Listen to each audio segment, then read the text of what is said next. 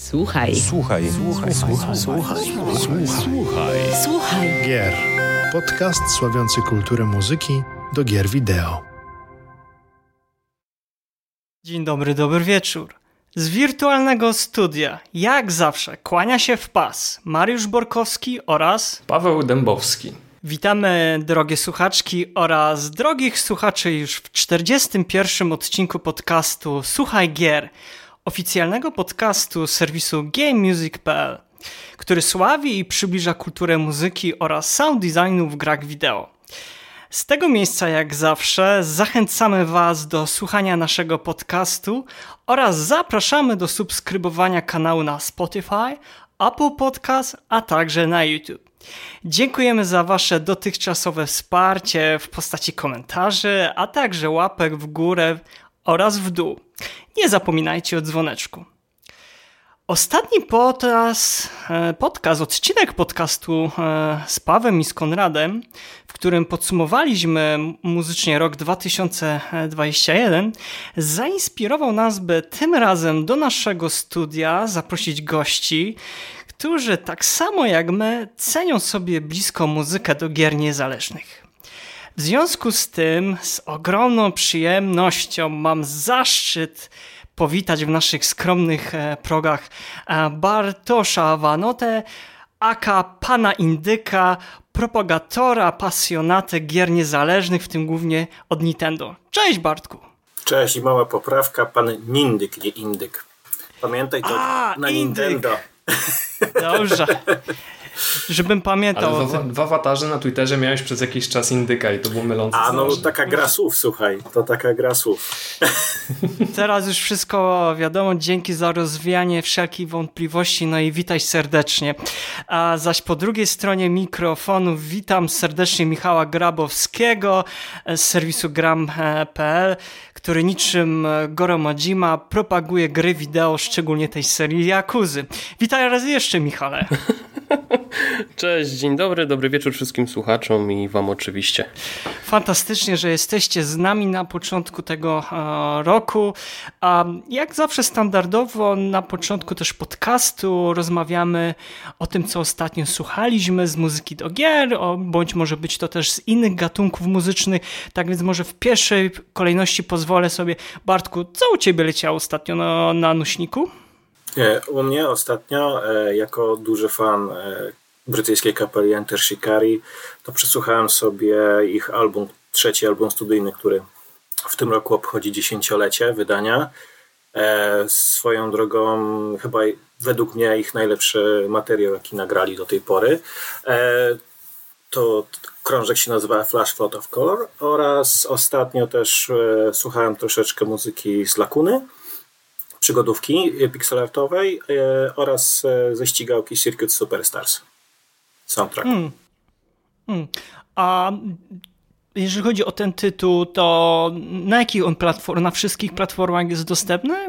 Na konsolach, zarówno i na komputerach osobistych? W sensie Lakuna, z tego co wiem, to w zeszłym roku chyba wyszła na PC-ty, yy, natomiast na konsolę w grudniu, pod koniec grudnia się ukazała, chyba na wszystkie, Play, PlayStation, Xbox i Switch. Natomiast jeżeli chodzi o Circuit Superstars, to jeżeli mnie pamięć nie myli, to też w grudniu wyszło na PC-ta i Xboxa. E, Wersja na PlayStation i Switcha jest planowana jakoś w tym roku, bodajże chyba, wiem, że na Switcha to jakoś chyba drugi kwartał tego roku. Okej, a jeżeli chodzi o, o muzykę, to nie wiem, jakbyś miał porównać do takich dosyć znanych albo mniej znanych tytułów, to do, do jakiego soundtracku byś porównał tą muzykę?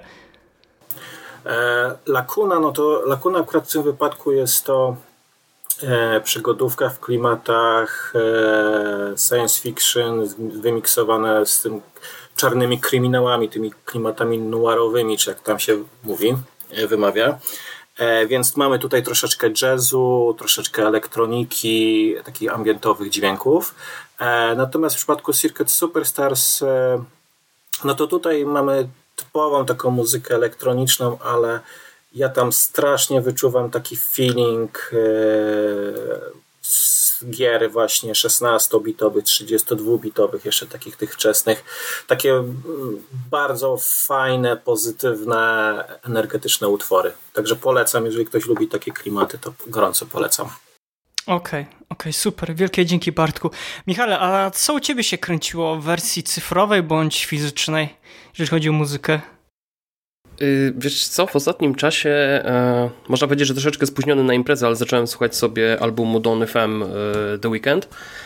E, głównie dlatego, że tak po przesłuchaniu kilku singli doszedłem do wniosku, że jest to coś, e, co powstało najbliżej tego, co mogłoby powstać, gdyby zespół Daft Punk się nie rozpadł. E, bo ten cały klimat, który jest wokół tego albumu, e, te elementy właśnie bardziej takie fanki troszeczkę właśnie mm, elektroniki połączonej właśnie z trochę spokojniejszymi melodiami przypomniały mi troszeczkę Random Access Memories. No i przy okazji samo to, jak zmontowany jest ten album, te wstawki Jima Carreya radiowe, czy też płynne przechodzenie między utworami. Przyznam się szczerze, że jestem bardzo pozytywnie zaskoczony tym albumem. Mm, zresztą ostatnio też e, pojawiła się na YouTubie e, cała projekcja, która była dostępna w ramach chyba usługi Amazona. E, to był taki ala koncert stylizowany na klub, w którym właśnie The Weeknd prezentował cały album krok po kroku.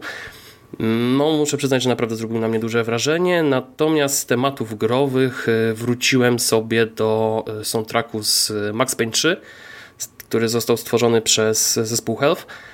Mm, tak bardziej tak chyba tylko dlatego, że po prostu w ostatnim czasie miałem taką większą zajawkę na ten zespół i chciałem sobie przypomnieć ogólnie, jak ta cała droga ich, e, można powiedzieć, wyglądała. No i zresztą też właśnie przez ten soundtrack przybliżył, znaczy ten soundtrack tak naprawdę przybliżył mi ten zespół e, i jego twórczość e, w przeszłości.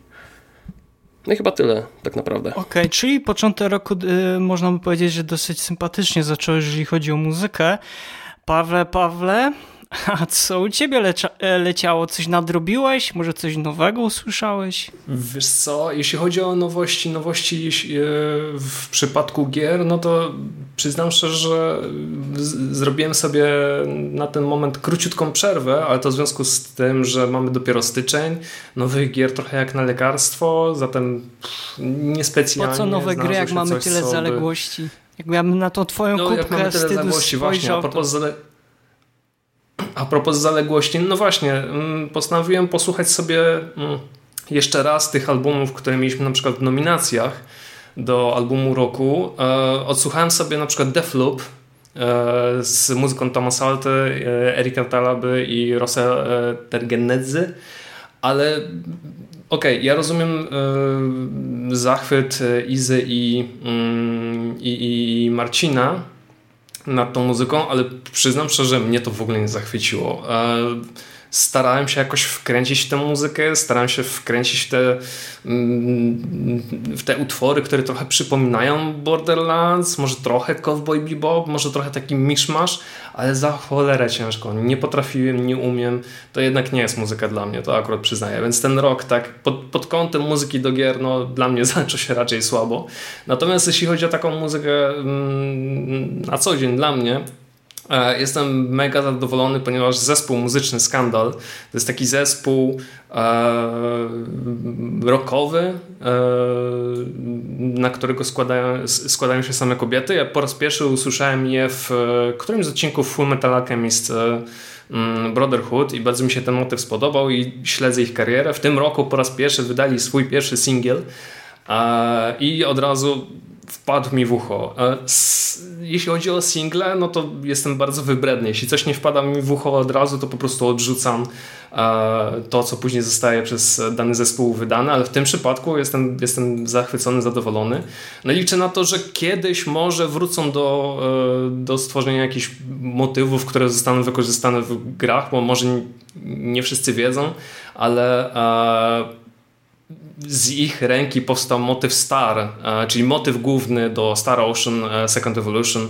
No mam nadzieję, że kiedyś do tych gier wrócą, ale na tę chwilę jestem zadowolony, że e, wypuściły swój nowy, nowy singiel i czekam na dalszy rozwój ich kariery. Hmm. Co ja myślę, że z tym Deadloopem to jest jak z większością gier. Jeżeli nie zagrałeś w, tego, w ten tytuł, to ciężko później tą um, nie do końca ten odbiór muzyki jest troszeczkę inny niż słuchasz poza grom, a w grze. Może w przypadku Izy i Marcina było tak, że przez chwilę liznęli ten tytuł. Nie wiem, czy mieli okazję. Możliwe, że tak jest. Możliwe, że tak jest. Może, może rzeczywiście, gdybym zagrał i przesłuchał tę muzykę w, w trakcie gry, gry i posłuchał jej po zagraniu, to może wyglądałoby inaczej, ale na tę chwilę no, raczej mnie to nie przekonało.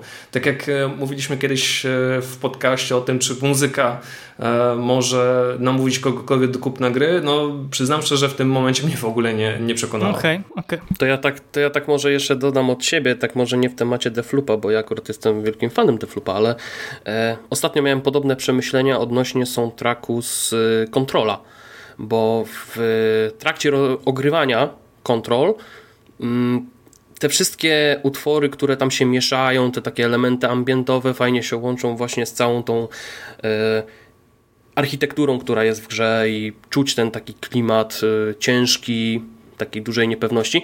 Natomiast jak próbowałem sobie przesłuchać ten soundtrack tak jadąc normalnie autobusem albo siedząc w domu, to przyznam się szczerze, że trudno jest mi tego słuchać i kompletnie nie czuję tego, jak w ogóle za to się chwycić.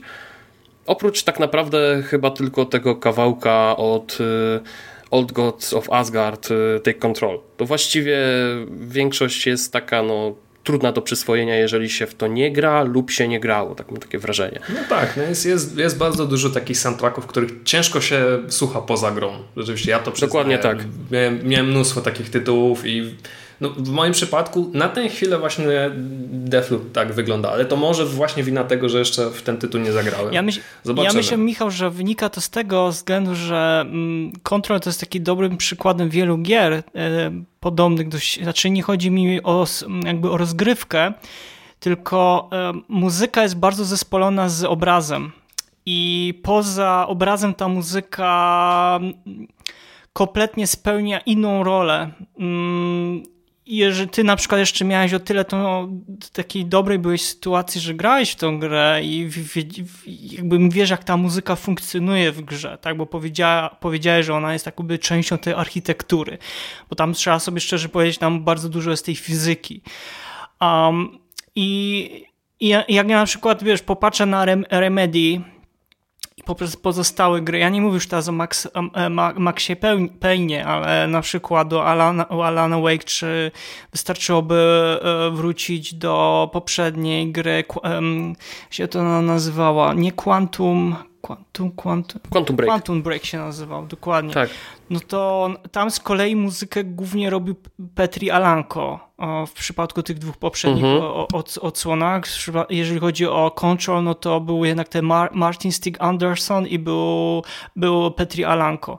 No a z kolei And Anderson jest znany bardziej, z, pamiętacie na pewno Inside i Limbo, no to tam jest muzyka taka bar, bardzo, nie chcę użyć słowa ambientowa, ale ona jest taka mm, środowiskowa. Ona, ona jakby nie pełni rolę, że ona ma ciebie w jakiś sposób, nie wiem, wewnętrznie tam gdzieś, nie wiem, coś wzbudzić, tylko e, ona buduje taką atmosferę wokół ciebie i jest jakby częścią tego obrazu. Nie wiem, czy to jest dobrze, dobrze to jakby zobrazowałem to swoimi słowami, ale sądzę, że to jest bardzo ciężki tak do słuchania poza, poza obrazem.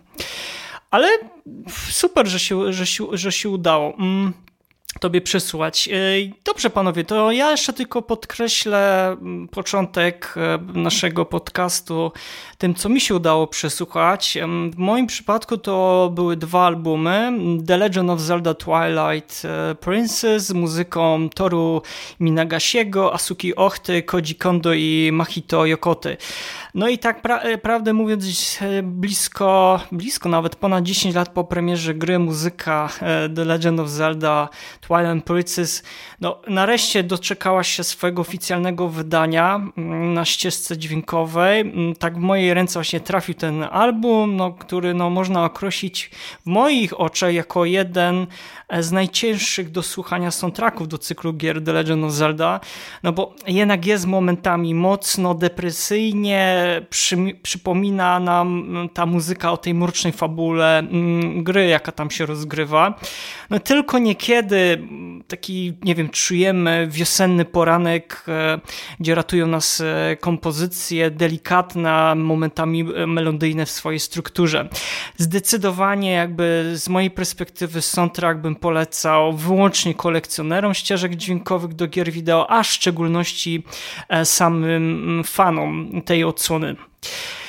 E, zaś jeżeli chodzi o drugi album, e, Metroid Prime Fusion Original Soundtrack z muzyką Keiji Yamamoto, Koichi Koyume i Minako Hamane i Akiro Fujiwary, e, no, nareszcie, nareszcie, nareszcie po wielu miesiącach poszukiwań do prywatnej biblioteki do, dołączyła, mm, dołączył ten album z muzyką do odsłony Metroid Prime, Metroid Fusion. Um, muzyka do tych gier, nie wiem jak wy, ale chyba jest uważana przez e, wielu graczy, szczególnie tych e, dwóch gier, jako taki kamień milowy.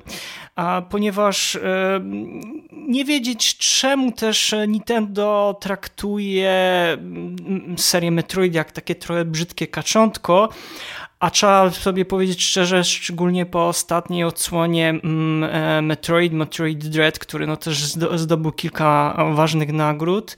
Mam nadzieję, że to trochę otworzy mm, osobom z Kyoto oczy, że jednak warto inwestować w tą mm, serię.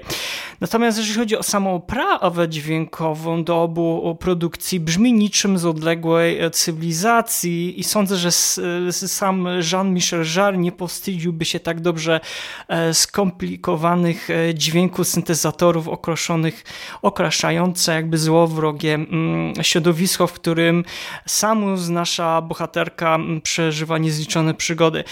Sądzę, że to jest na pewno pozycja obowiązkowa dla każdego sympatyka mm, gier z podznaku Metroid. Dobrze, spotkaliśmy się tutaj, żeby porozmawiać, e, sądzę, bardzo ważnym temacie, biorąc, e, zważywszy na to, co się e, dzieje przez ostatnie dni, bo ten styczeń jednak chyba zostanie zapamiętany na, na długo, względu na to, co Microsoft chyba poszedł po, po zakupy i zaczął kupować kolejne studia. Może zaraz o tym też o chwilę porozmawiamy. Ale biorąc pod uwagę, jak e, miniony rok wyglądał, dla niektórych mógłby być to bardzo obfity w gry wideo, dla niektórych mniej. Myślę, wydaje, że w moim przypadku był ten rok na pewno bogaty pod kątem gier takich jakby niezależnych. I tutaj dzisiaj z naszymi gośćmi i razem z Pawem będziemy rozmawiać o tych grach niezależnych i też o muzyce do tych gier. I panowie, ja mam takie pytanie. Czy sądzicie, czy już tak się stało, albo dopiero to nas czeka? Jak myślicie, kiedy indyki przejmą taką pierwszoplanową rolę w świecie elektronicznej rozrywki, a może już przejęły? I w pierwszej kolejności pozwolę sobie zacząć od Bartka. Bartku, jak byś odpowiedział na to pytanie? To znaczy, najpierw bym się. Myślę, że trzeba by się zastanowić, czy w ogóle przejmą pierwszoplanową rolę. A Wbrew, mimo że sam jestem fanem gier niezależnych i, i, jak najbardziej kibicuję im, e, obawiam się, że niestety patrząc na, na rynek, nie przejmą, przynajmniej za szybko, nie będą na pierwszym planie w porównaniu do, do tych e, tytułów AAA. E, to one nadal będą jakby korem, częścią korową elektronicznej rozgrywki, ale myślę, że ta równowaga, yy, znaczy myślę, że niedługo po prostu faktycznie te indyki będą bardzo mocno deptały po piętach, ponieważ no, coraz więcej ich powstaje, e, coraz więcej mamy zdolnych zarówno solo deweloperów, jak i takie mniejsze i większe zespoły, które po prostu wydają naprawdę fantastyczne gry, e, które nie mają się czego wstydzić pod względem zarówno warstwy fabularnej, czy grafiki, czy, czy, czy właśnie muzyki, udźwiękowienia, czy chociażby mechaniki. E, ale nadal jakby tym to właśnie AAA będą takie najbardziej popularne. No, nie no tak, tak już wygląda ten, ten rynek i myślę, że za, za szybko to się nie zmieni. Chociaż y, nie obraziłbym się, gdyby jednak to, y, gdyby indyki jednak wysunęły się na, pierwszy, na, na, na ten pierwszy plan i to one królowały i górowały po prostu nad w świecie elektronicznej rozgry, rozrywki, tak mi się wydaje. Ale, ale niestety nie jestem takim optymistą i, i, i, i pytanie tylko, ile tortu będzie należało do indyków tak naprawdę? Jak, jak duży kawałek? Mhm. To jest bardzo ciekawe, co powiedziałaś. Ja bym to skonfrontował za chwilę, ale jestem ogromnie tutaj. Ciekawi mnie to, co będzie miał Michał i Paweł do e, powiedzenia, dlatego powstrzymam się i chciałbym oddać głos może e, Michałowi. Michał, jak ty to z twojej perspektywy to wygląda z tymi grami niezależnymi? Czy jednak już są taką, mają, są większą częścią tortu, przejmą ten rynek, biorąc pod uwagę, co przez ostatnią dekadę się dzieje w, w studiach AAA, czy jednak tak jak to Bartek powiedział, że gdzieś będą mm, tymi filarami elektroniczne rozrywki, ale jednak e, nigdy tam nie zasiądą na, na tronie. Jak to z twojej perspektywy wygląda? Znaczy w sumie to powiem ci, że i właściwie przez chwilę tak pomyślałem sobie, czytając pytania do tego odcinka, i miałem odpowiedzieć tak wstępnie podobnie jak Bartek, czyli właśnie powiedzieć, że czy w ogóle do tego dojdzie, ale tak sobie pomyślałem, że odwrócę trochę to pytanie i powiem, czy rzeczywiście muszą to zrobić, bo w przypadku gier niezależnych, przynajmniej tak z mojej perspektywy, e, te gry niezależne zazwyczaj trafiają do graczy szukających bardzo specyficznych doznań, e, zarówno growych, jak i nawet muzycznych. E, I tak naprawdę można powiedzieć, że twórcy gier niezależnych zazwyczaj trafiają do tych osób, które interesuje powiedzmy konkretny styl, konkretna forma zabawy, czy też konkretna stylistyka.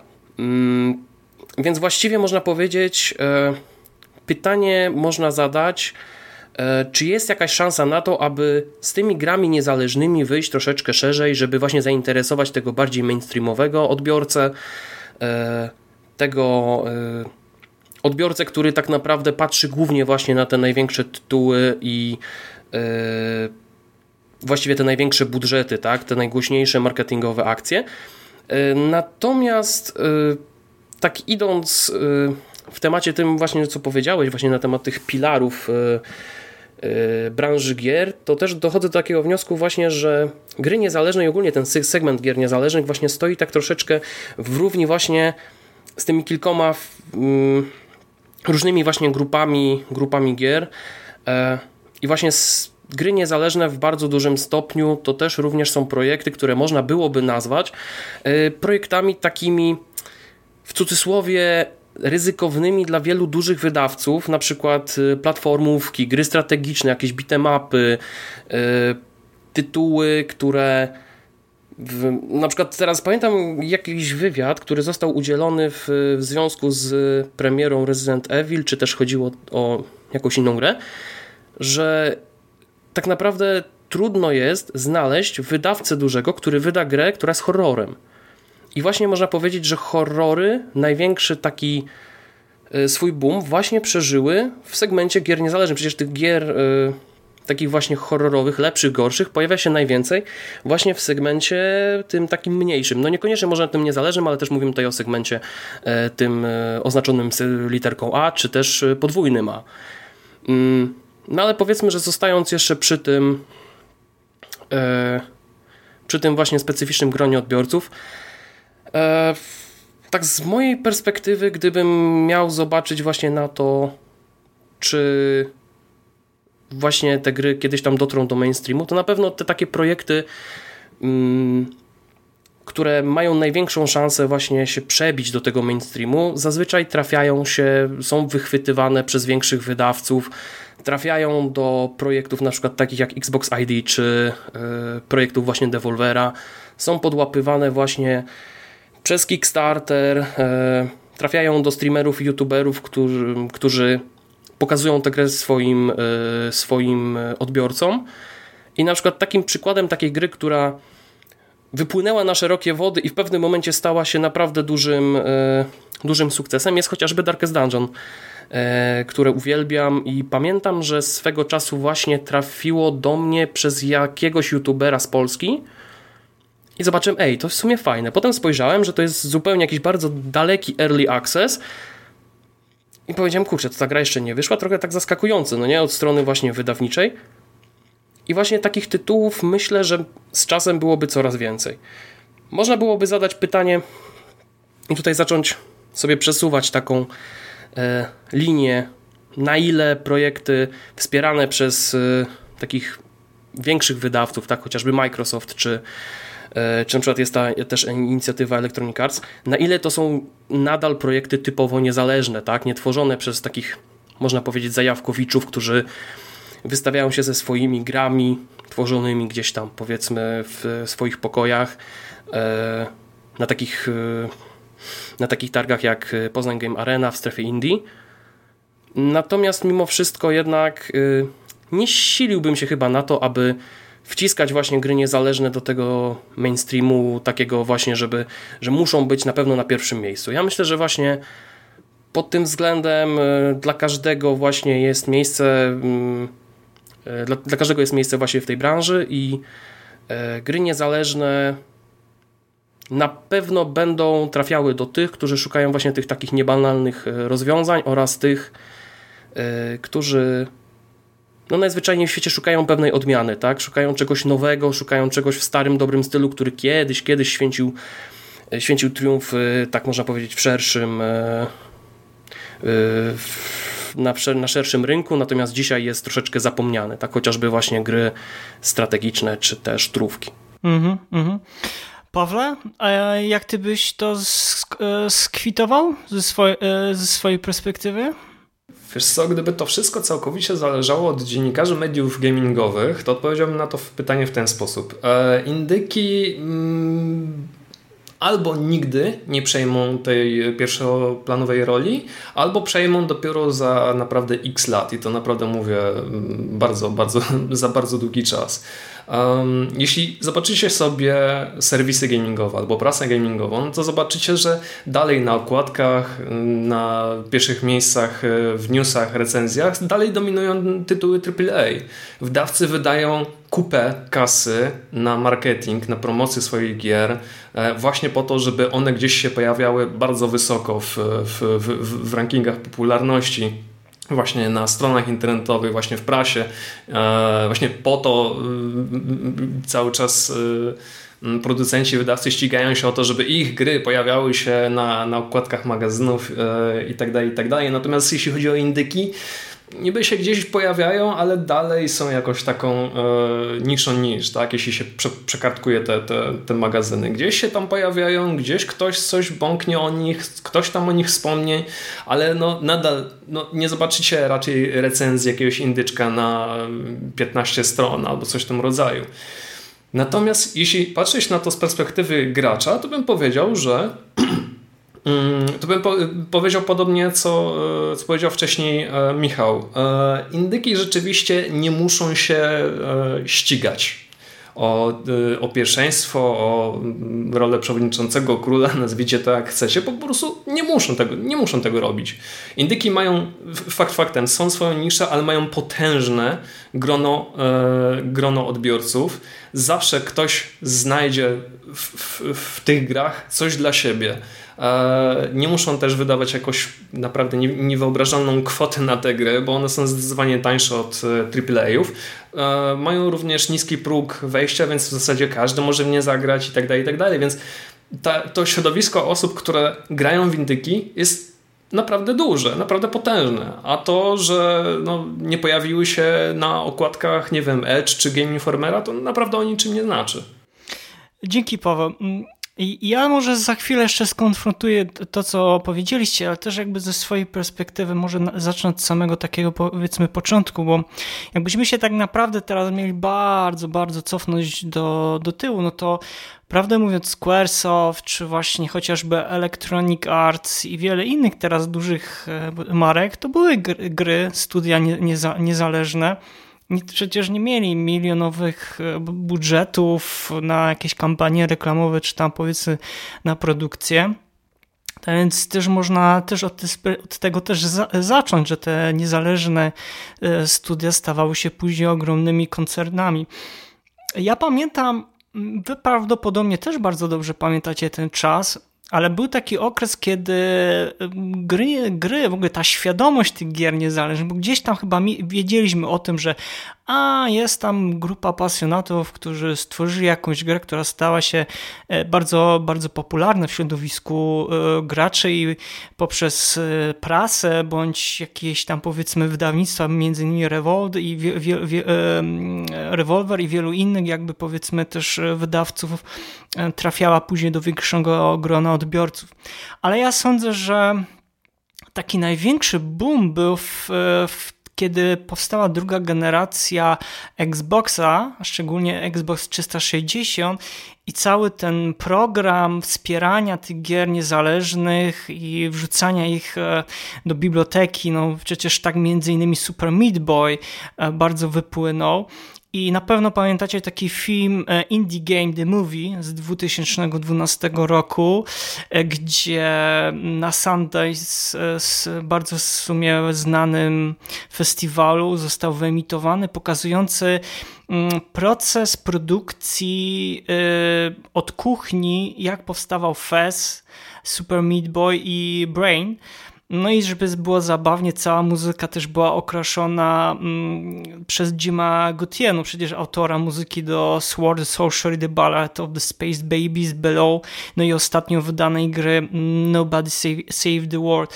I to jest ciekawe, bo jakby pokaz ten dokument e, pokazał bo w przypadku Feza to robiła jedna, na początku chyba tam były dwie osoby, później finalnie się skończyło, że to jedna osoba robiła chyba blisko przez 9 lat tą, tą grę, jeżeli dobrze pamiętam. I też jakby to pokazało, jak e, ci niezależni twórcy tworzyli, w ogóle jak ten rynek niezależnych gier wchodził coraz bardziej do mainstreamu.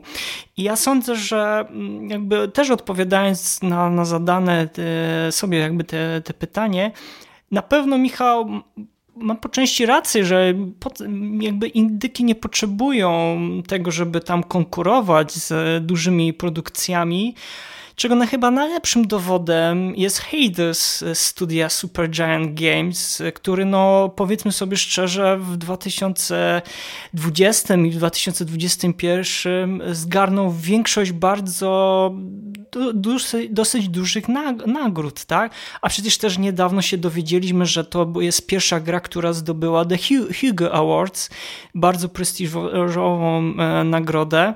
Tak więc e, to też jakby pokazuje, że dobra produkcja, która została stworzona e, przez pasjonatów, a wszyscy wiemy, że Supergiant Games już od ponad 10 lat są na rynku, zaistnieli, zaistnieli właśnie przez Bastion, który się też na w programie Xbox pojawił, później się pojawił na wielu innych e, urządzeniach z, z fantastyczną muzyką e, Darena Korba z udziałem Ashley Barrett.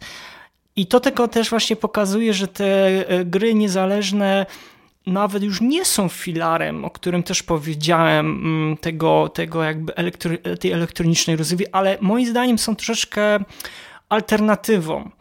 Bo jak ja na przykład y, patrzę przez ostatnie nawet nie 10 lat, ale wystarczy po naprawdę o 3 lata wstecz y, się cofnąć i patrzę, co się dzieje z tymi dużymi produkcjami, albo jak są czasami te, jeszcze jest AAA, jest podwójne, podwójne A, mi się wydaje, że Psychonauts dwójka chyba się do tego za, zaliczy. I też kilka mamy polskich e, studiów, którzy też bardzo znane produkcje niezależne produkowali, między innymi przecież Lewy Beat Studio e, wypłynął bardzo mocno na This War of Mine. Dzięki temu przecież mogli stworzyć Frostpunka.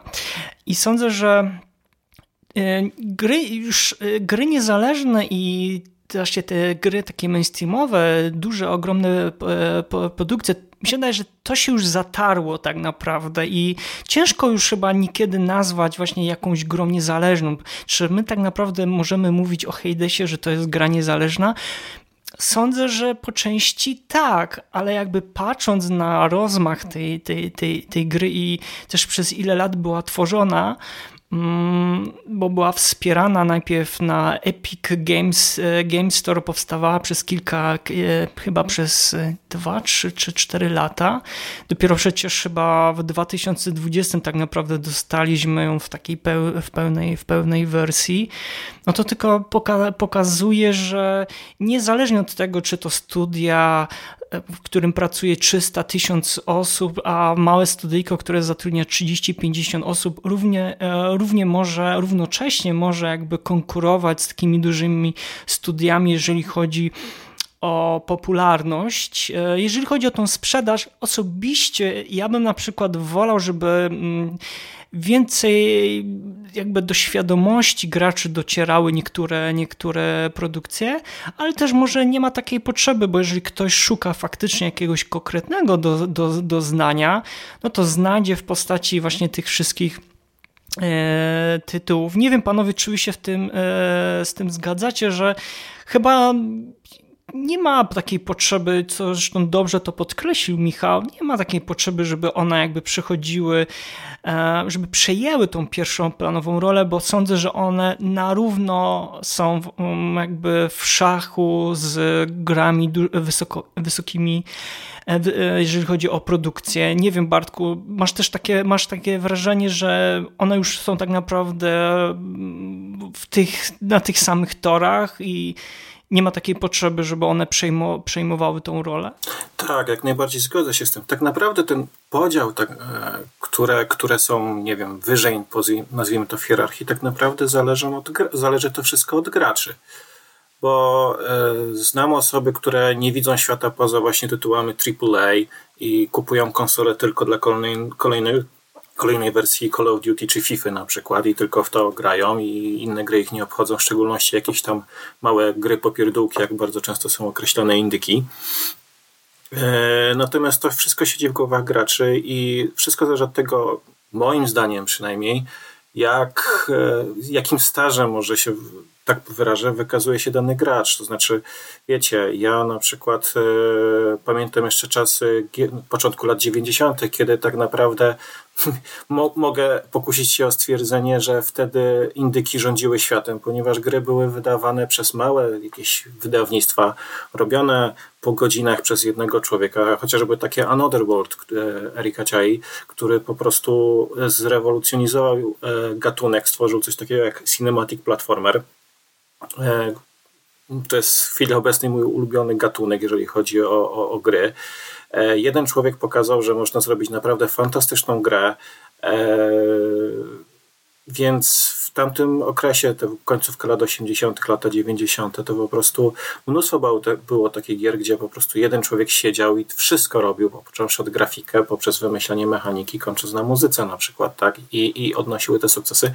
I tak właśnie wcześniej wspomnieliście, z małych tych wydań, z małych tych studiów powstawały jakieś wielkie konglomeraty, wielkie korporacje, które teraz rządzą, e, nazwijmy to, światem elektronicznej rozrywki, tak?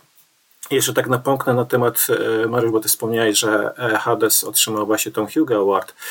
Warto tutaj wspomnieć, że to po raz pierwszy właśnie gra otrzymała tę nagrodę, ale warto też wspomnieć, E, jakie inne tytuły były nominowane. To był Animal, najnowszy Animal Crossing, to był The Last of Us 2, czy remake Final Fantasy VII.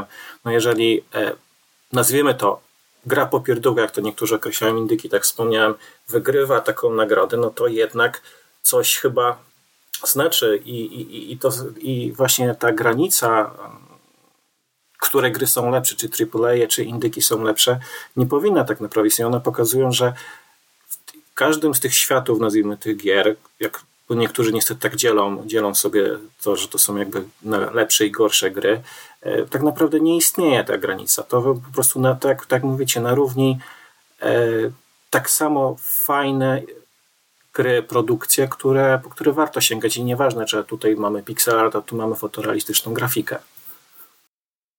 Ja tutaj się wtrącę a propos tych e, nagród. Ja nigdy nie zapomnę tego e, bólu dolnej części e, pleców większości graczy, którzy się dowiedzieli, że tytuł gry roku od DICE dostał nie God of War, ale Untitled Goose.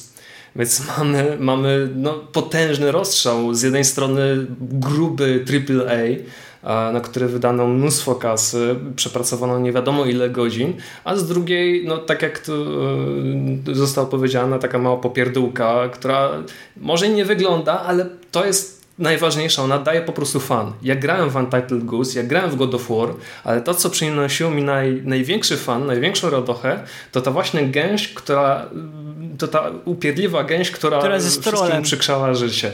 Do, dokładnie, to jest gra zrobiona pode mnie dokładnie. Natomiast jeśli chodzi o God of War, no przyznaję, że trochę się męczyłem, męczyłem chodząc, chodząc Kratosem, a nie o to w grach chodzi. Ja mam po prostu czuć, czuć że naprawdę gram w grę i, i sprawia mi to radochę, a nie, że ci, chodzę i cierpię. Ale jest jedna rzecz, którą e, akurat zauważyłem, bo akurat w przypadku gęsi to niektórych właśnie co nieco bolało, natomiast cieszy mnie na przykład to, że wraz z kolejnymi latami coś się zaczęło ruszać, ponieważ już takiego, e, takiego bólu nie wywoływało to, że e, Disco Elysium dostało dużo nagród. I tak samo nie bolało ludzi to, że Hades zgarnął tych nagród również sporo. Czy na przykład It Takes tak? Można powiedzieć, że tak naprawdę coś się zaczyna zmieniać, coś się zaczyna ruszać. Mam wrażenie, że też może troszeczkę branża oraz gracze dojrzeli do tego, żeby mm, nie gadać właśnie w ten sposób, że a, bo to jest gra tworzona tam, nie wiem, w piwnicy i ona jest taka czy inna, że a, bo tu potężny Kratos wszystkich łoi. Tylko po prostu zauważają, że jest coś jeszcze, jest jeszcze jakaś alternatywa, jest jeszcze jakiś sposób, aby dotrzeć do graczy i dotrzeć w sposób taki właśnie mm, w który nie docierają niektóre gry, mm, właśnie te AAA, ale też można zauważyć, może to nie jest w stosunku do wszystkich gier, ale ktoś też może powiedzieć, że właśnie coraz więcej gier AAA jest po prostu spłycanych, tak? Mm, jest coraz więcej gier, które wymuszają na graczu, powiedzmy, bycie cały czas online nawet ten storytelling, który jest w ramach jakichś tam sezonów, e, czy też innych, no po prostu gracze troszeczkę już są tym zmęczeni. Szukają czegoś nowego, szukają czegoś innego od tej rzeczywistości, która e, aktualnie jest w branży gier i to też również cieszy, że właśnie na tym zyskują indyki, zyskują właśnie takie mniejsze projekty, troszeczkę takie można powiedzieć ryzykowne, e, które prawdopodobnie w tych, można powiedzieć, takich starych czasach mm, no miałyby problem, no chociażby, nie wiem, jakby ktoś wpadł na pomysł, ej, słuchajcie, album sobie zagrał na przykład w nowego Red Alerta. No, tylko, że niektórym to się w Excelu nie skleja. No i potem co? No to taka grupa zapaleńców, którzy lubili serię Command Conquer siada i mówi, słuchajcie, wiecie co? Zrobimy swojego Red Alerta, nazwiemy go, nie wiem, niebieski ogień. I po, prostu, I po prostu zrobią grę, która będzie bardzo podobna w założeniach. No może nie będzie miała tego budżetu, może nie będzie miała tej technologii, ale będzie czymś, co gracze uwielbiają. I to jest właśnie, można powiedzieć, że w tych grach niezależnych poniekąd piekło. Ale to jest... Czyli po prostu in, indyki poprawiają to, co duzi producenci no, po prostu zepsuli przez lata. I tak na przykład było ze Stardew Valley. Tak, że powstała akurat e, z tego, z tego powodu, ponieważ jego twórca był wielkim fanem Harvest, e, Harvest Moona i zobaczył, że ta seria się po prostu psuje, więc po prostu zakasał rękawi i powiedział, ok, to zrobię coś po swojemu, tak jak ja to pamiętam, tak jak ja bym chciał, żeby to wyglądało. No i mamy sukces, bo nie było gra jednego człowieka i potężny, potężny Ale sukces, jeszcze, również komercyjny. Słuchajcie, jeszcze jest, taka, jeszcze jest taka sytuacja, że na przykład e, często gęsto zdarza się tak, że e, osoby, które do tej pory pracowały właśnie w takich dużych studiach, odchodzą, odchodzą e, z roboty i zakładają swoje własne, żeby właśnie tworzyć takie gry, które, e, na które w dużych firmach im nie pozwalają. Prosty przykład. E, Nomada Studia, barcelońska firma. Tam pracownicy są między innymi ze Square Enix i oni zrobili Gris, który uważam osobiście no, wszystkie składowe, tak dołożyć grafikę, animację, muzykę, to jest, ociera się wręcz o sztukę, tak? No bo ta naprawdę dla mnie, ja byłem z, po prostu zaczarowany, jak grałem, grałem w tą grę, bo niesamowity feeling, e, oprawa audiowizualna e, świetnie do mnie trafiało, wszystko się pięknie spinało i naprawdę ta podróż głównej bohaterki miała w sobie moc po prostu, tak? I, i, i nie sądzę, żeby y, duże studio właśnie pokroju Square czy, czy, czy EA pozwoliło normalnie na wypuszczenie takiej gry, tak? Chociaż trzeba przyznać, że w chwili obecnej powstało jakiś tam oddział Square, chyba się nazywa, jeżeli dobrze pamiętam, Square Enix Collective, który właśnie wzięło się za wydawanie rokujących i fajnych gier niezależnych, tak? czyli jest po prostu wydawcą. Czyli duzi gracze zauważyli, że warto wejść w świat indyków i, i pomagać, tak? Ale no, co z tego wyjdzie, to jeszcze zobaczymy. I właśnie, I właśnie to jest ta jedna z tych rzeczy, które moim zdaniem też są bardzo pozytywne, właśnie jeśli chodzi właśnie ten taki rozwój gier niezależnych. To jest właśnie to, że duzi wydawcy też zauważyli, że w tym coś jest, no ale nie mogą na to przeznaczyć, nie wiem, konkretnych zasobów, więc stworzyli właśnie te różne projekty, yy, które mają właśnie wybierać te takie naj, najbardziej obiecujące. No oczywiście to też można zadać pytanie, czy to czasem nie, nie tworzy pewnego takiego zgrupowania tak na te właśnie e, wspierane, niewspierane i tworzone, e, tworzone zupełnie niezależne, na przykład właśnie przez, jak ty powiedziałeś Bartek, przez jedną osobę gdzieś, e, ale mimo wszystko wiele z tych projektów właśnie no, podbija, na przykład nie wiem, najlepszy przykład w ostatnich latach, gdzie była ta słynna konferencja EA, gdzie pojawił się Unravel. I ten chłopak, który tak bardzo, bardzo skrępowany, tak, no, widać było, że jest zdenerwowany i to, to było coś dla niego wielkiego.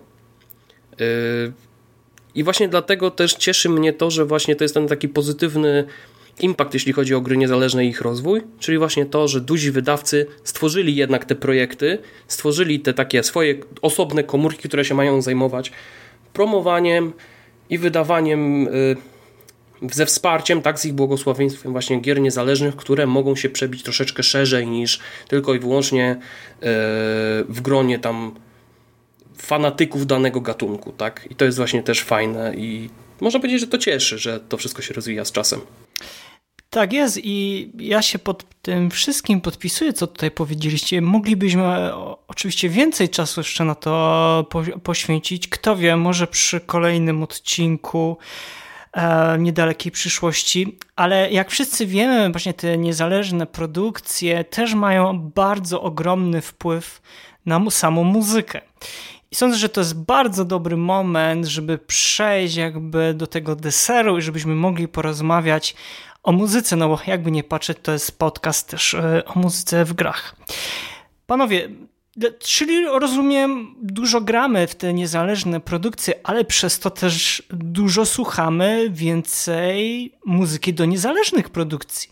I biorąc na przykład pod uwagę tą ostatnią dekadę, która przyniosła nam masę świetnych tytułów, bo można byłoby powiedzieć, też oczywiście tutaj mówię pod kątem muzycznym, czyli Untold Goose Game, e, Celeste, Night in the Woods, e, Eastward, Hollow Knights, Florence, Greece, Limbo, Stardew Valley, Minecraft, Into the Breach, e, Return of the Obra Dinn, Axon Verge, Orient the Blind Forest, a Plague Tales Innocence, Everybody Go the Rapture, Cuphead i mógłbym tutaj wymieniać chyba nieskończoność.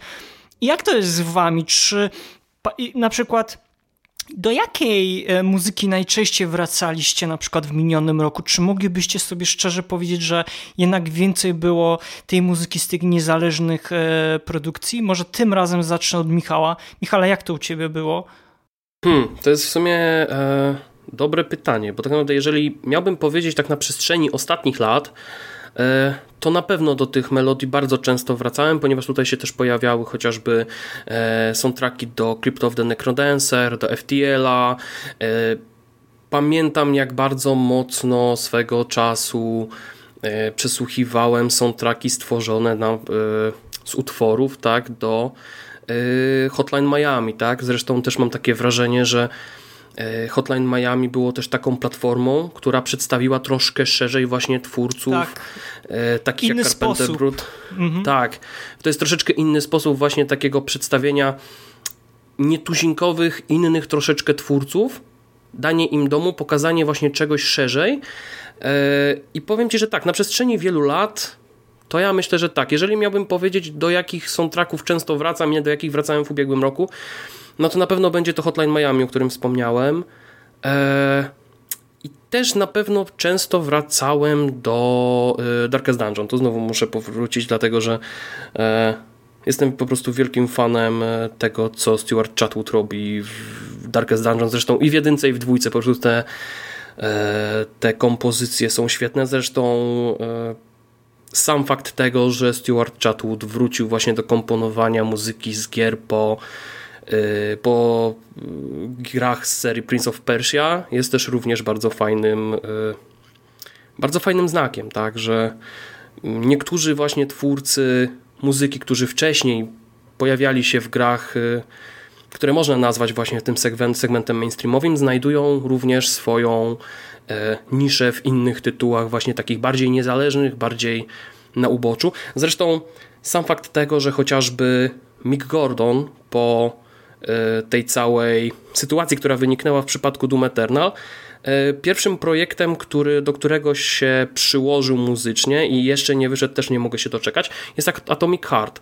Jeśli ktoś włączy sobie zwiastun Atomic Heart, w którym była właśnie też prezentacja jego kompozycji, to mówi o, i chłopak wreszcie e, znalazł, znalazł kolejną niszę i widać, że to się wszystko spina wraz z tym właśnie klimatem. kreatywność jego wybu wybuchnie ponownie, tak jak to Tak, to jest tym bardziej, że jak ja sobie pomyślę o tym, że... Mm, Chyba tam wtedy na GDC opowiadał o tych rosyjskich syntezatorach, z których korzystał, co tam e, specjalnie tam jechał do jakiegoś e, gościa na Ukrainie, żeby, żeby zdobyć ten właśnie syntezator konkretny, który da mu konkretne dźwięki. To ja sobie myślę, że on to tam wtedy specjalnie tam i na Ukrainę, i gdzieś tam, nie wiem, w okolice Czarnobyla pojechał, żeby znaleźć konkretne dźwięki, tylko po to, żeby w tej grze było tak, jak powinno być. Mhm. Ale na przykład I... teraz, no proszę. Nie, nie, nie, to już, już skończyłem. I, jasne, Michał, ale po, jakbyś na przykład miał teraz sobie tak szczerze odpowiedzieć, dlaczego coraz więcej słuchasz tych indyków? E, dlaczego? Z czego to wynika Dlatego, na przykład? Wiesz co, ja mam takie wrażenie, że właśnie y, wynika to w dużej mierze z tego, że wiele z tych tytułów tak naprawdę y, kojarzy mi się na przykład z konkretnymi y, właśnie momentami w niektórych, w niektórych grach. Przykładowo, e, jeżeli ktoś pamięta w Hotline Miami 2 e, scenę, gdzie e, bohaterowie wpadają do, do wieżowca, no to pierwszy utwór, który wpada na myśl, to jest Roller Mobster od, od Carpenter Bruta. I można powiedzieć, że właśnie tak troszeczkę, troszeczkę też nawiązując do tego, o czym rozmawialiśmy wcześniej, jeżeli chodzi właśnie o połączenie muzyki z gier do konkretnych obrazów i y, środowiska, które, w których przychodzi nam działać. To akurat w tym przypadku to są właśnie raczej te wspomnienia, tak? Czyli powiedzmy, y, nie wiem, melodia od Muna, tak? Hydrogen, tak? To też konk konkretna misja ci się otwiera w głowie, tak? Konkretne sytuacje się pojawiają i ja myślę, że właśnie chyba bardziej o to chodzi, tak? Dodatkowo po prostu te melodie są konkretnie char takie charakterystyczne, tak? Jeżeli na przykład chcemy posłuchać sobie czegoś, załóżmy, tak? Yy, ktoś włącza sobie Spotify'a i szuka na przykład melodii z gier, które będą w konkretnym nastroju, na przykład mm, wykorzystującym, nie wiem, melodie jakieś bitowe, to w większości przypadków znajdzie tam całą masę przeróżnych melodii właśnie związanych z indykami, a przy okazji jest taka szansa, że prawdopodobnie yy, również odnajdzie nową grę, którą będzie chciał sprawdzić. I tak to można sobie wtedy w ten sposób y, połączyć. Czyli z jednej strony może to być taka sytuacja, że grałem w jakąś grę, przypominają mi się pewne sytuacje i wtedy, i wtedy tak naprawdę no, słucham tego soundtracku częściej yy, niż innych. Natomiast też jest sytuacja odwrotna. Wpada mi na przykład taka melodia jak chociażby Federations FTL-a i się zastanawiam, co to jest za fajna melodia, co to jest za gra. Sprawdzam sobie okładkę, sprawdzam sobie później gdzieś tam na Wikipedii, co to jest. Wchodzę na Steama, patrzę ile kosztuje, biorę, tak? I to tak właśnie w ten sposób taka mała taka synergia mm, w jedną albo w drugą stronę może co działać. I myślę, że tak właśnie i sam wiele gier znalazłem. Można powiedzieć, że Darkest Dungeon obok y, obok właśnie oglądania streamów też zainteresował mnie najbardziej muzyką, natomiast właśnie w, w tą stronę, o której ty mówisz, czyli y, po prostu na przykład pewne momenty, pewne zadania, pewne sytuacje po prostu przypominają mi o tych melodiach, które już kiedyś słyszałem i, e, i słucham je częściej powiedzmy na swoich playlistach, czy też e, słuchając konkretnych całych albumów. Mhm. Bartko, a jak ty byś odpowiedział na te pytania? Dlaczego, jeżeli oczywiście słuchasz więcej muzyki z gier niezależnych, to dlaczego, z czego to wynika? Znaczy tak, jak najbardziej słucham e, muzyki z gier niezależnych, ale tak naprawdę mam jakieś kilka takich swoich ulubionych soundtracków, do których bardzo często wracam. E, ogółem sam osobiście, jeżeli chodzi o muzykę, to preferuję jakieś rockowe brzmienia, chociaż jestem otwarty na różne gatunki muzyczne. Tak w przypadku soundtracków, ku mojemu zaskoczeniu przede wszystkim e, do, jakoś najbardziej czuję muzykę elektroniczną, tak szeroko pojętą. I nie wiem, lecąc po moich ulubionych soundtrackach, mamy Fury na przykład, gdzie mamy po prostu zlepek różnych wykonawców muzyki elektronicznej, jak właśnie Carpenter Brut wspomniany, czy Toxic Avenger. E, mamy już, o którym mówił Michał, Hotline Miami, gdzie właśnie e, przede wszystkim utwory Muna, czyli to jest koleś, który tak naprawdę chyba się nazywa Steven Gillard, jeżeli dobrze powiedziałem, i właśnie ten Hydrogen czy Crystals, no to po prostu te, te, te, te bity, które, te, te utwory po prostu tak wbijają się w głowę, że, że e, to jest niesamowite. E, Jeszcze Perturbator, Dokładnie. o którym chyba wcześniej nikt nie słyszał. Tak, Można by powiedzieć, tak. że chyba też wypłynął. Oj tak, tak, tak, no. tak.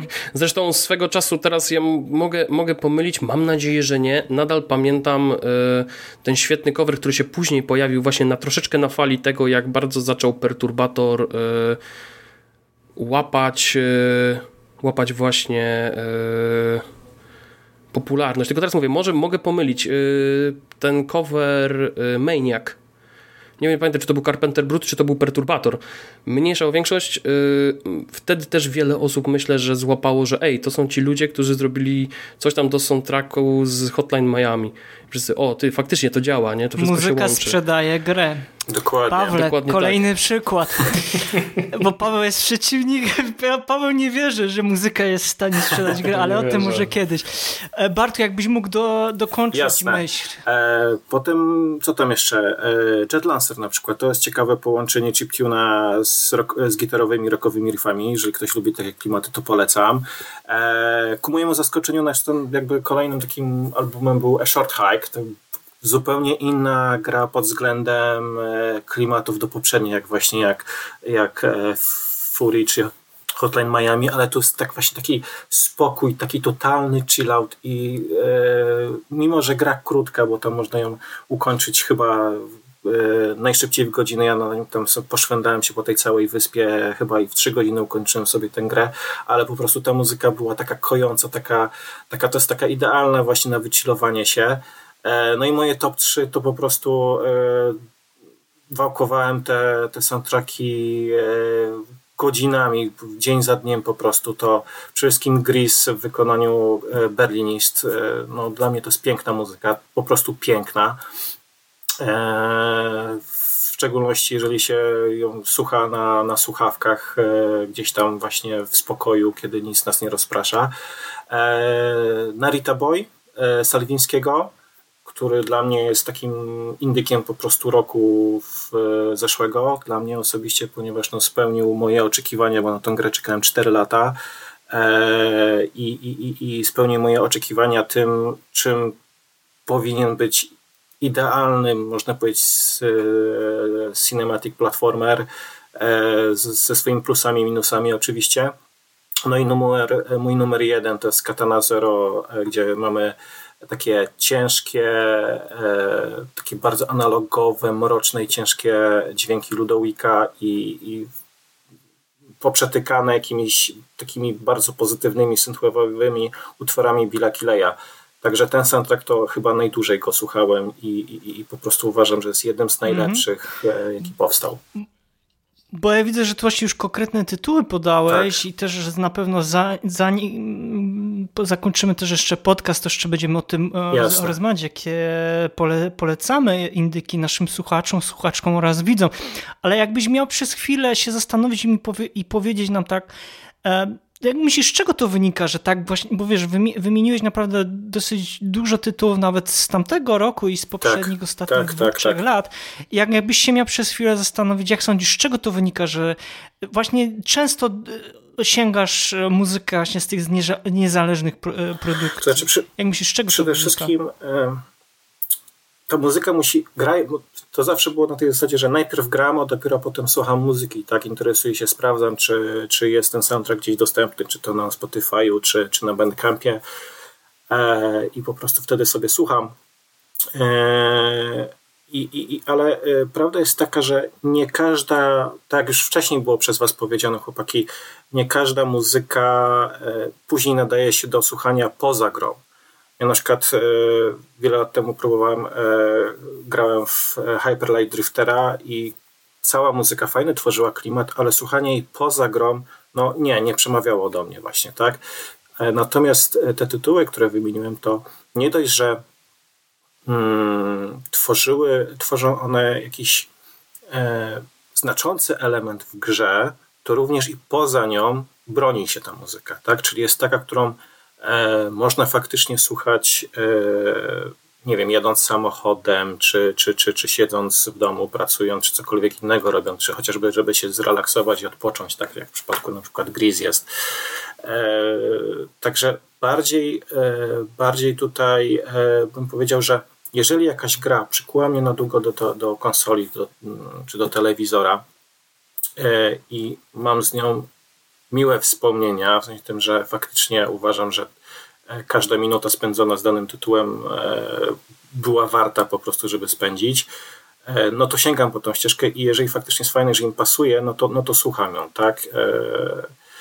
Chociaż teraz jest ciekawostka, bo właśnie to jest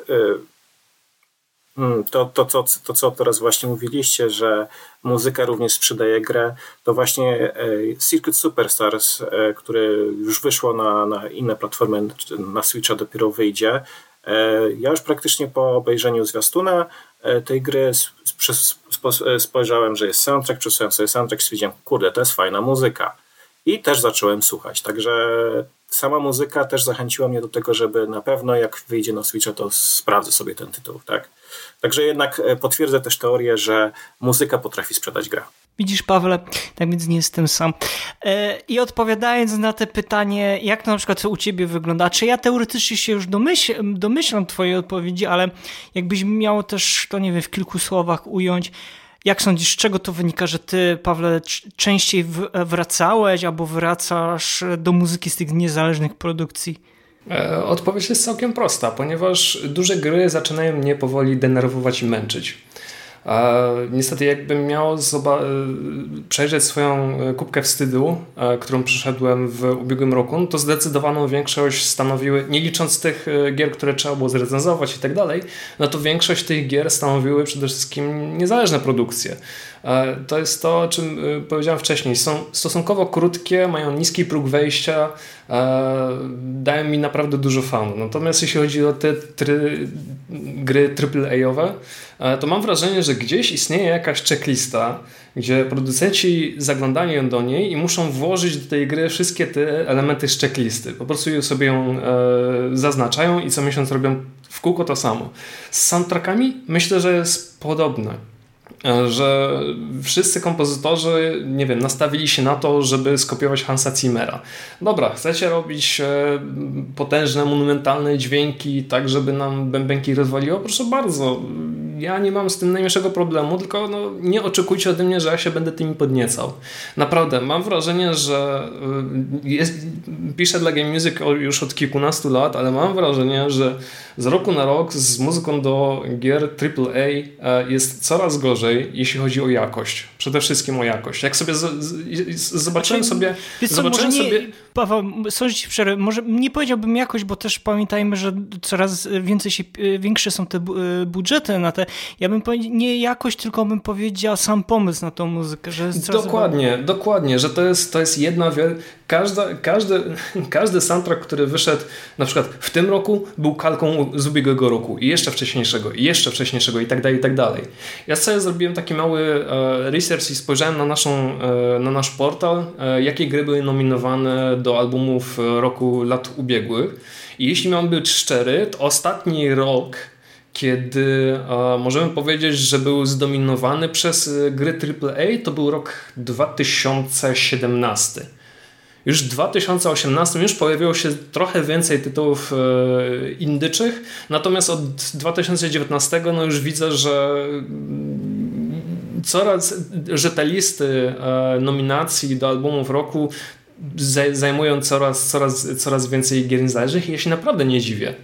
Ja się naprawdę nie dziwię. To się, to się akurat powtórzę, że Soundtracki do gier z AAA to są kalki tego, co już było pokazane. Nie powstaje nic nowego tak naprawdę. I gdybyście puścili muzykę z Assassin's Creed, a ja miałbym, nie wiem, zawiązane oczy, ja nawet bym nie poznał, z której części to jest Assassin's Creed, Assassin's Creed ale no, nawet nie wiedziałbym, że to jest w ogóle z Assassin's Creed. Po prostu bym strzelił, że nie wiem, to jest Far Cry albo z czym rodzaju.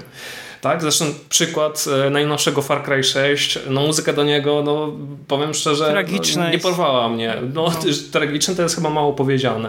Tak? Okej, okay. myślałem, że sama gra jest mm, taka se, no to może chociaż, to może chociaż e, muzyka uratuje. No przykro mi, niestety tak się nie stało.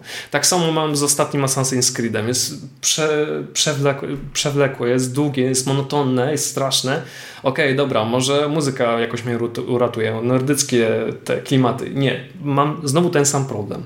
Dlatego mam Dlatego ja mam duże, darzę dużą estymą e, kompozytorów gier niezależnych, bo po prostu widać, że im się nie tylko chce robić coś nowego, ale też mogą zrobić coś nowego, coś oryginalnego, coś czego nigdy nie, nigdy nie usłyszał, mogą się bawić dźwiękami, mogą eksperymentować, mogą naprawdę robić cuda na kiju i naprawdę tworzą świetne kompozycje, które zostają gdzieś tam w głowie na, na zawsze. Ja taki przy, przykład chyba najlepszy dla, w moim przypadku to jest na przykład muzyka za Undertale czy Deltarune od Tobiego Foxa, tak? czyli gra jednej osoby tak naprawdę, ale motywy, które tworzy są no trochę memiczne, fakt faktem, ale też e, głęboko zapadają w pamięć i rzeczywiście opisują tę sytuację, który, którą widać na ekranie i łatwo ją sobie po prostu wyobrazić, tak? przypomnieć sobie o niej. Stardew no Valley... Pamiętajmy, tak. że pierwsza muzyka, pierwsza, pierwszy raz muzyka e, z gier została zagrana przed papieżem. Tak? Właśnie chciałem to powiedzieć, że tak mówiłeś o tym takim przyzywaniu tak. pewnych obrazów i pierwsza rzecz, która mi wpadła do głowy słysząc Undertale i Toby Fox, to był właśnie ten pan, który żonglował piłeczkami do tak. megalowani yy, przed papieżem, papież patrzy i no fajne, fajne, fajne, co to za muzyka, dlaczego gościu yy, robi tak, uniki, tak, o co tak, chodzi? Dokładnie, dokładnie. A później na telefonie w konwencjonale, tak. wiesz, ro, robi, zamiast, zamiast spowiadać to on tam okej. Okay. Paweł, chciałbyś dokończyć do końca. Tam pewnie krzyczy Sans! Ja mogę, ja mogę tylko jeszcze dodać, że dzięki właśnie indykom poznaliśmy naprawdę mnóstwo nowych, nowych nazwisk, świeżych nazwisk, takich, którzy, no nie wiem, ciężko byłoby mi ich zobaczyć, ich twórczość e, w jakichś dużych, e, dużych produkcjach. Tak? Mam tutaj na myśli na przykład Lenę Rain, która była wcześniej znana jako autorka muzyki do Celeste i widać, że się mocno rozwinęła. Nie, nie, wcześniej była ostatnie... znana, e, sorry ci przerwę, do Guild Wars dwójki. Do Guild Wars, tak, do Guild tak. Wars, ale najbardziej się wybiła przy, przy Celeste, a później tych tytułów po prostu przy, przechodziło. W ubiegłym roku chyba do trzech czy do czterech gier wydała e, swoją muzykę. Do Minecrafta, do Deltarune i do, um, do ostatniej gry, Chicory, czyli Chicory. Dokładnie. Tak czyli jednej, jednej z gry y, znominowanych. Także no, ja się naprawdę, ja się podpisuję to, pod tym, co, co chłopaki mówią, że te, y, ta muzyka jest zapamiętywalna. Rzeczywiście, że łatwo, łatwo skojarzyć y, muzykę z grą i chętnie się, do, chętnie się po prostu do niej do niej wraca. W moim przypadku bardzo często w mm, jesienią, zwłaszcza jesienią, tym okresie, okresie jesienno-zimowym wracam do e, muzyki Aleka Holowki z Night in the Woods, bo to jest po prostu idealny tytuł do grania właśnie w, w, w, w taką pogodę. I nikt mi nie mówi, że to, że to jest inaczej. Tak? Z indyków mamy przecież Cupheada. Było, nie było. Tak? Czyli jeden z pretendentów z ogromnym do budżetem roku. na muzykę do, też. Mm. Również, tak, ale zrobiło, zrobiło swoje war, warto było wydać te pieniądze. Wspomniana Katana Zero również. E, I to, co jest również dla mnie najważniejsze, że mnóstwo, ale mnóstwo muzyki chiptunowej, którą po prostu uwielbiam, ubóstwiam. No gry indie mi po prostu tego dostarczają i dostarczają, dostar, do, dostarczają mi również mnóstwo takich e, utworów, na podstawie których mogę się uczyć i samemu coś mogę tworzyć. No, w przypadku gier AAA no, raczej czegoś takiego nie mam.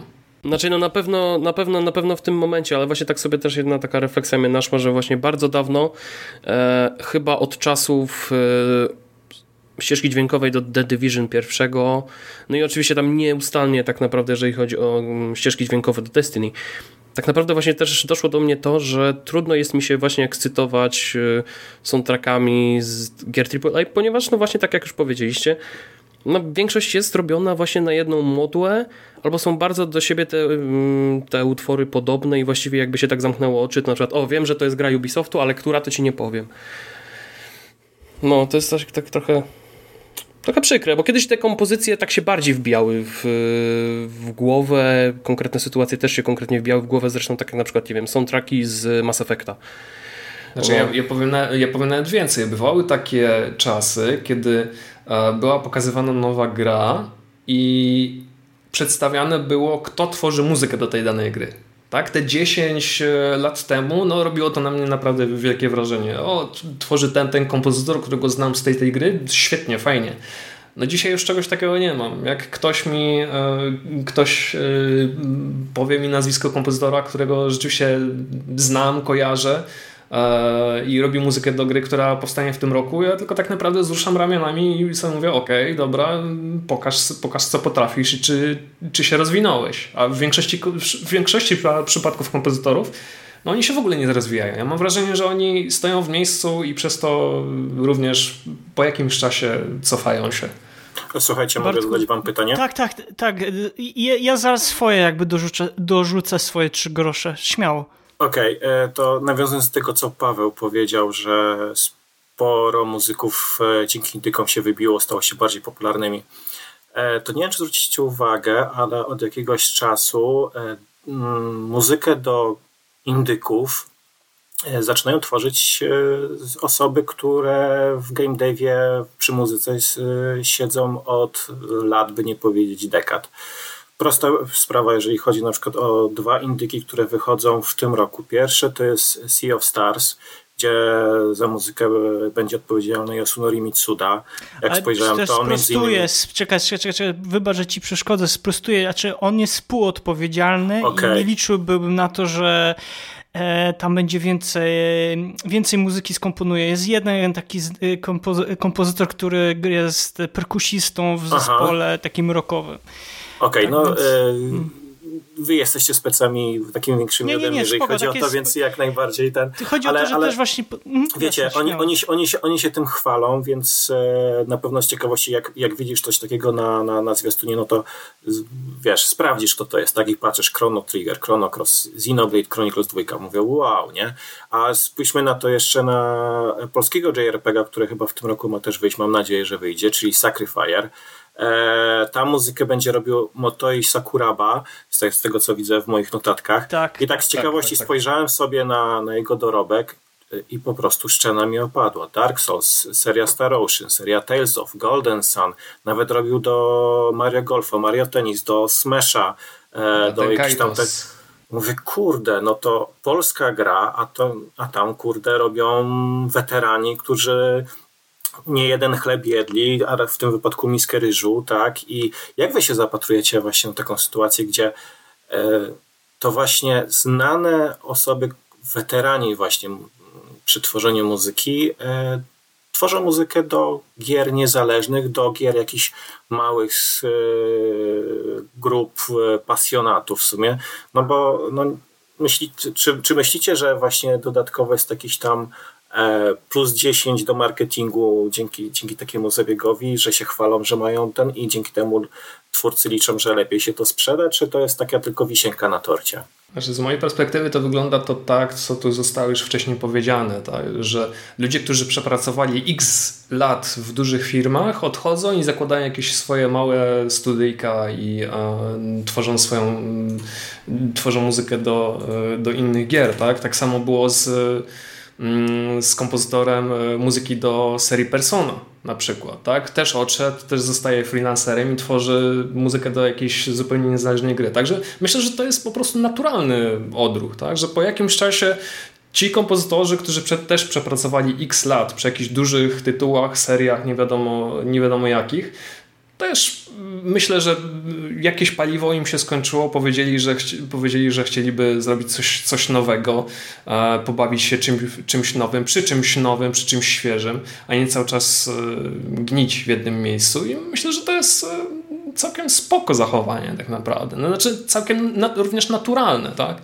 Że po jakimś czasie rzeczywiście się wypalasz tworząc muzykę do, dla, dla jednej firmy, czy tam dla jednej serii, czy dla jed, jednej, e, jednej gry, e, czy tam iluś gier, które wyglądają tak samo i po prostu mówisz, ok, wystarczy, chcę zrobić coś, coś nowego. Także z mojej perspektywy to wygląda naprawdę fajnie, dobrze. Niech się, niech się, niech się w ten sposób rozwijają. Znaczy ja na pewno, na pewno jedna rzecz i tutaj, tutaj też mogę się na przykład zgodzić z tym, że e, no właśnie pewne nazwiska też działają na wyobraźnię i też w pewien sposób sprzedają dane tytuły, bo przykładowo, jak dowiedzieliśmy się o tym, że Akira Yamaoka będzie moczył swoje e, cudowne palce przy tworzeniu soundtracku do The Medium, to przyznam się szczerze, że zacząłem się tym tytułem trochę bardziej interesować. I tak samo y, było w przypadku wcześniej przeze mnie wspomnianego Atomic Heart, tak, że była informacja Mick Gordon w Atomic Heart. No, mówię, o kurczę, no to będzie jakiś konkretny kawałek soundtracku, tak? I nawet jeśli, załóżmy, czego byśmy na przykład nie chcieli, dana gra była średnia, słaba, czy coś w tym stylu, na przykład, nie wiem, była gorzej oceniona, to i tak czuję, że ten soundtrack będzie no na pewno będzie dobry. To nie jest tak, że, że on z jakiegoś powodu będzie tak samo słaby jak gra. No to jest wręcz wykluczone.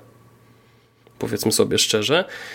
Yy, I chyba też troszeczkę podobnie mam z ścieżkami dźwiękowymi do Sirius Sama, gdzie z mojej perspektywy Sirius Sam 4 ma jeden z najlepszych soundtracków yy, w serii. Natomiast grą jest no, w najlepszym wypadku średnią, tak? I mimo nawet tego tam zgrzytu zęb, zębów przy ogrywaniu tej gry, mówię, kurczę, ale jednak album wyszedł całkiem spoko. Tak, no można powiedzieć, że najlepszy, najlepszy w właśnie yy, w serii od Damiana Mraunwacza, nie? Więc ogólnie no, no ja myślę, że te nazwiska też przykuwają uwagę do danych tytułów, interesują graczy, a nawet jeśli ktoś nie zagra, to po prostu przesłucha, bo Akira Yamaoka kiedyś zrobił soundtrack do Silent Hilla, więc to też może być dobre. I to jest w sumie bardzo fajne i pozytywne. Mhm. Ja, ja, ja, postaram się, Bartku, na Twoje pytanie odpowiedzieć też jakby w pytaniu, które do Was zadałem. I bym może zaczął od tego, że tak, już wiemy na pewno wszyscy, że ta granica między grami niezależnymi i tymi wysokobudżetowymi produkcjami, ona się już dawno zatarła, tak? Patrząc na, na te wszystkie nagrody, które gry niezależne zdobywają, Discolizm, które zdobyła, e, zdobyło muzykę BAFTA Awards, e, mała produk e, produkcja, która no powiedzmy no wyprzedziła wysokobudżetowe, duże produkcje, ale jakby też to, o czym ty zacząłeś mówić, że ci znani kompozytorzy którzy zaczynają jakby troszeczkę, nazwijmy to, wracać do korzeni, bo oni sami też zaczynali od małych gier, czy tam Mick Gordon, Australijczyk, gdzie w Australii jest bardzo mało studiów deweloperskich, być może w ostatnich pięciu, e, ostatnich pięciu latach to się e, zmieniło, też zaczynał od bardzo małych e, produkcji to jest tak, że można to też odwrócić w drugą stronę, bo na przykład Austin Mitorie został najbardziej, bardzo rozpoznawalny głównie dzięki Journey, tak? I on sobie dzięki temu też otworzył później drogę do duż, dużych, ogromnych produkcji między Assassin's Creed e, Syndicate, do którego skomponował w całości e, muzykę. I sądzę, że jakby mm, to jest tak, że ci kompozytorzy czy tam e, wracają albo zaczynają wysokie nazwiska, jakieś znane nazwiska, zaczynają pisać muzykę do, do gier niezależnych, wynika z tego, że gry niezależne dają taką e, nieposkromioną kreatywność twórcom muzyki do gier. Bo czasami jest tak, że te duże, wysokobudżetowe produkcje mają ogromne budżety, szczególnie te od Sony, i kompozytorzy mogą zrobić praktycznie wszystko. I myślę, że e, jeżeli nie są ograniczeni budżetowo, e, to mogą zrobić wszystko, ale brakuje im takiego ograniczenia, które by może u nich uruchomiło taką większą kreatywność. Przez to, że ci kompozytorzy, którzy pracują przy tych małych produkcjach, gdzie te gdzie, niezale, gdzie budżety są no praktycznie znikome, bo na przykład kolejnym takim dobrym przykładem jest Darren Korb, który pracował, e, pracuje dalej przy grach Supergiant Games, jak pisał muzykę do Bastion, to większość utworów, e, piosenki e, e, nagrywał w szafie. I to też właśnie mm, też pokazuje, że ta nieposkromiona kreatywność i tam jakby to, że mamy bardzo mały czy wąski budżet, uruchamia właśnie u kompozytorach, że mogą troszeczkę sobie więcej pozwolić na kreatywność. Zazwyczaj też jest, pamiętajmy o tym, że w tych dużych studiach są jeszcze audio dyrektorzy, którzy mają jakiś konkretny kierunek, w którym chcieliby, żeby, e, żeby muzy muzyka, muzyka obrała ten kierunek. Jasne, zdarza się tak, że takie duże nazwiska jak Gustavo Santaolalla ma e, no tutaj rób co chcesz. Oczywiście pokazujemy, Neil Druckmann na pewno gdzieś tam pokazał, w jakim kierunku by chciał, żeby ta muzyka poszła, ale jakby miał pełne zaufanie do Santa Olai, że, no, że wie, że skomponuje świetną muzykę i wiemy wszyscy, że no, zrobił kawał dobrej roboty w pierwszej, w pierwszej odsłonie. I sądzę, że to, że dlaczego często coraz częściej albo często wracamy do tych niezależnych produkcji pod kątem muzyki, wynika właśnie z tej kreatywności, że kompozytorzy mm, przez to, że pracują przy małych budżetach, są bardziej kreatywni. I to i przez to też dostajemy naprawdę muzykę, która gdzieś tam bardziej uruchamia, pobudza naszą wyobraźnię. Ja powiem Wam szczerze, takim chyba najlepszym przykładem, który idealnie podsumuje ten e, temat, chyba że jeszcze będziecie mieli coś do dodania od siebie, zanim skończymy e, nagrywanie, bo jeszcze chcieliby, chciałbym z Wami porozmawiać o ulubionej muzyce do indyków i indyki, które oczywiście polecacie. To ja niedawno skończyłem ubiegłoroczny tytuł Eastward i powiem wam tak, że ja się zakochałem w tej grze bez dwóch zdań. No dla mnie to, było, to, była, to jest dojrzała, zabawna i pouczająca e, historia, a mówimy o grze, która no, wygląda jak pixel art, e, muzycznie to jest też taki troszeczkę na, mm, balansuje pomiędzy chiptunem a taką muzyką elektroniczną, bo też kompozytorem, to jest ciekawy, był Joe Korelitz, który zrobił muzykę do ostatniej odsłony Halo, czyli Halo Infinity i do Dead Stranding.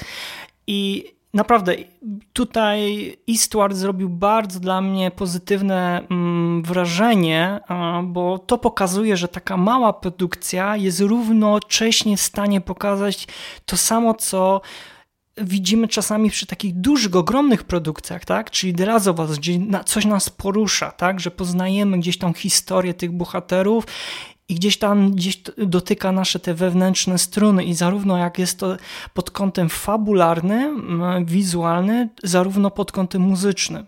I myślę, że to, to te gry niezależne to właśnie nam dostarczają, czego brakuje niestety coraz bardziej w tych wysokobudżetowych, napompowanych e, produkcjach, bo nie wszystkie oczywiście są złe, ale niestety jest coraz ich mniej.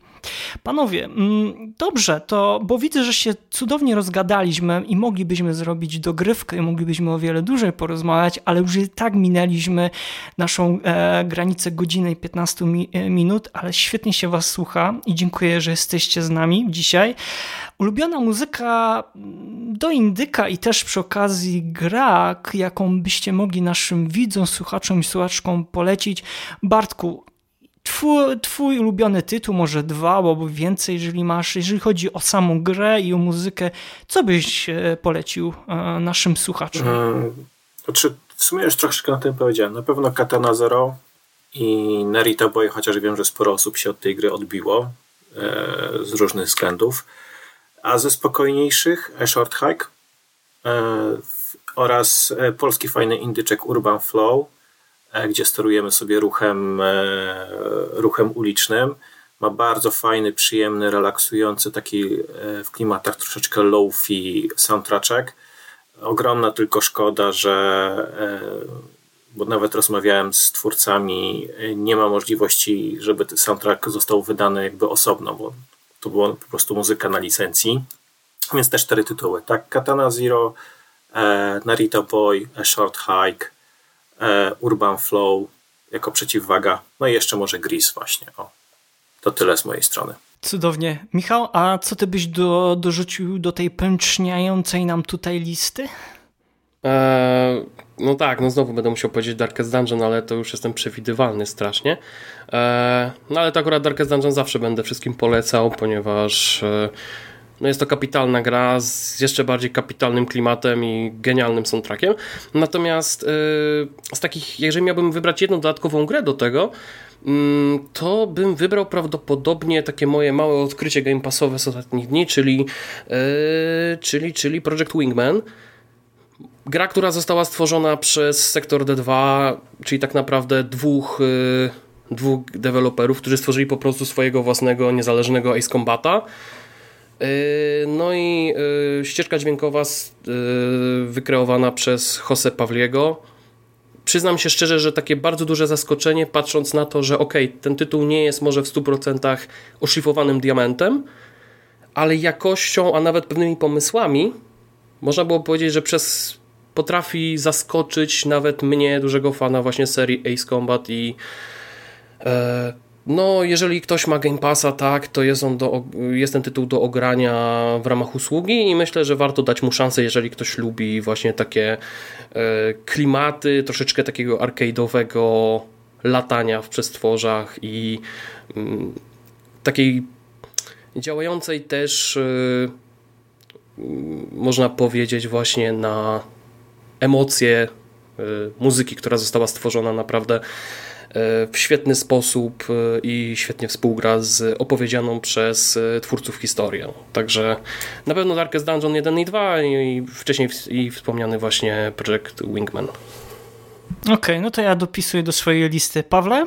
Mm, jeśli chodzi o takie gry, które bym polecił pod kątem i muzyki, i gameplayu, no to zdecydowanie Stardew Valley. Na pewno to jest e, również e, pozycja obowiązkowa Hotline Miami, e, Undertale Delta, Deltarune, mm, jeśli, wspomniana Katana Zero. Jeśli ktoś lubi takie klimaty a la The Legend of Zelda, to myślę, że Hyper Light Drifter by się do tego idealnie nadał. Wspomniany już dzisiaj przeze mnie Night, Night, in, the, Night in the Woods. Mm, a także takie moje odkrycie ubiegłego roku, czyli Unpacking z muzyką e, Jeffa Van Dyka. Okej. Okay. Dobrze, no to ja podsumuję. Większość naszych widzów i słuchaczy może już znają te tytuły i też e, wy panowie. W moim przekonaniu też tutaj pod kątem zarówno gameplayu i też muzyki to są tytuły, które w którym warto poświęcić e, uwagę, tym bardziej, że to nie są jakieś długie molochy trwające po 100 godzin, raptem 10, od 10 do, do 20 godzin wystarczy im poświęcić czas, albo nawet i krócej. Na pewno Shovel Knight, e, Hollow Knight, e, Everybody Go to Rapture, Machinarium, Samorost 3, wspomniany już wcześniej Eastward, Celeste, Journey i oczywiście obie odsłony Orient Blind Forest. E, mam nadzieję, że drodzy słuchacze, słuchaczki oraz widzowie, że to, co dzisiaj chcieliśmy wam, znaczy chcieliśmy sobie też odpowiedzieć na pytanie i sądzę, że udało nam się, że gry niezależne tak naprawdę nie potrzebują jakiejś tam powiedzmy e, większej pompy, chociaż może niektórym by się to, to przydało, jeżeli chodzi o pompę taką marketingową, żeby dotrzeć do większego grona odbiorców. Sądzę, że gry niezależne już od dawna mm, panują e, na równo z niezależnymi, z dużymi produkcjami, ponieważ e, mają czasami nawet chyba, zgodzicie się ze mną e, panowie, że mają czasami trochę więcej do zaproponowania i też to, czego szukamy, to jest zawsze taka jakaś powiedzmy alternatywa na to. Ja ze swojej strony, w swoim imieniu i też Pawła, bardzo Wam serdecznie, Bartku i Michale, dziękujemy, że dzisiaj byliście z nami i podzieliliście się swoją wiedzą, swoimi powiedzmy przemyśleniami na temat gier niezależnych i też muzyki do nich i mam nadzieję, że e, niebawem się znowu spotkamy na łamach podcastu Słuchaj Gier. Tak więc Bartku, jeszcze raz serdecznie e, dziękuję i tutaj też e, zachęcam do, do śledzenia kana kanału jakiego kanału, żebym nie, pop nie popełnił błędu? Jakbyś mógł Bartku przypomnieć? Najlepiej to albo strona nindyki.pl, e, bo na Twitterze ostatnio troszeczkę się nie udzielam, więc zapraszam tam. To jest wielkim skandalem. Warto również, tu, ja tu wtrącę, warto subskrybować również e, newsletter. Tak jest. Zachęc zachęcamy, tak więc Bartku, jeszcze raz serdecznie dziękujemy Ci, że dzisiaj byłeś razem z nami. A ja dziękuję za zaproszenie. No i Michał, ty już drugi raz, tak więc widzę, że chyba, chyba, chyba już się powoli zadomowiłeś w, na, e, w naszych skromnych progach, tak więc bardzo serdecznie ci też e, z tego miejsca bardzo też ci dziękuję, że wsparłeś nas przy odcinku o, o Jakuzie, bo jednak to jest bardzo zacna e, seria i ja jeszcze nie wiem, kiedy się do niej wezmę, chociaż Paweł mnie cały czas przekonuje, że już powi... tak, że ja powinienem w tym tygodniu na przykład masz trochę czasu. No, coraz szybciej, coraz szybciej, dlatego że na przykład ona też z Game Passa, z tego co wiem, już tak powoli zaczyna uciekać, więc no, to musisz się troszeczkę... Trzeba będzie pobrać, no, trzeba sprężyć. będzie pobrać. E, Michale, bardzo Ci serdecznie dziękuję i też jakby tutaj zachęcam do śledzenia konta e, Michała na, na, Twitter, na Twitterze. Myślę, że pod opisem też wrzucimy e, linki, żebyście mogli e, bez problemu znaleźć e, chłopaków. Tak więc jeszcze raz serdecznie Michale dziękujemy. Ja również dziękuję za zaproszenie i e, również dziękuję wszystkim, którzy słuchają nas i wytrzymali tyle czasu.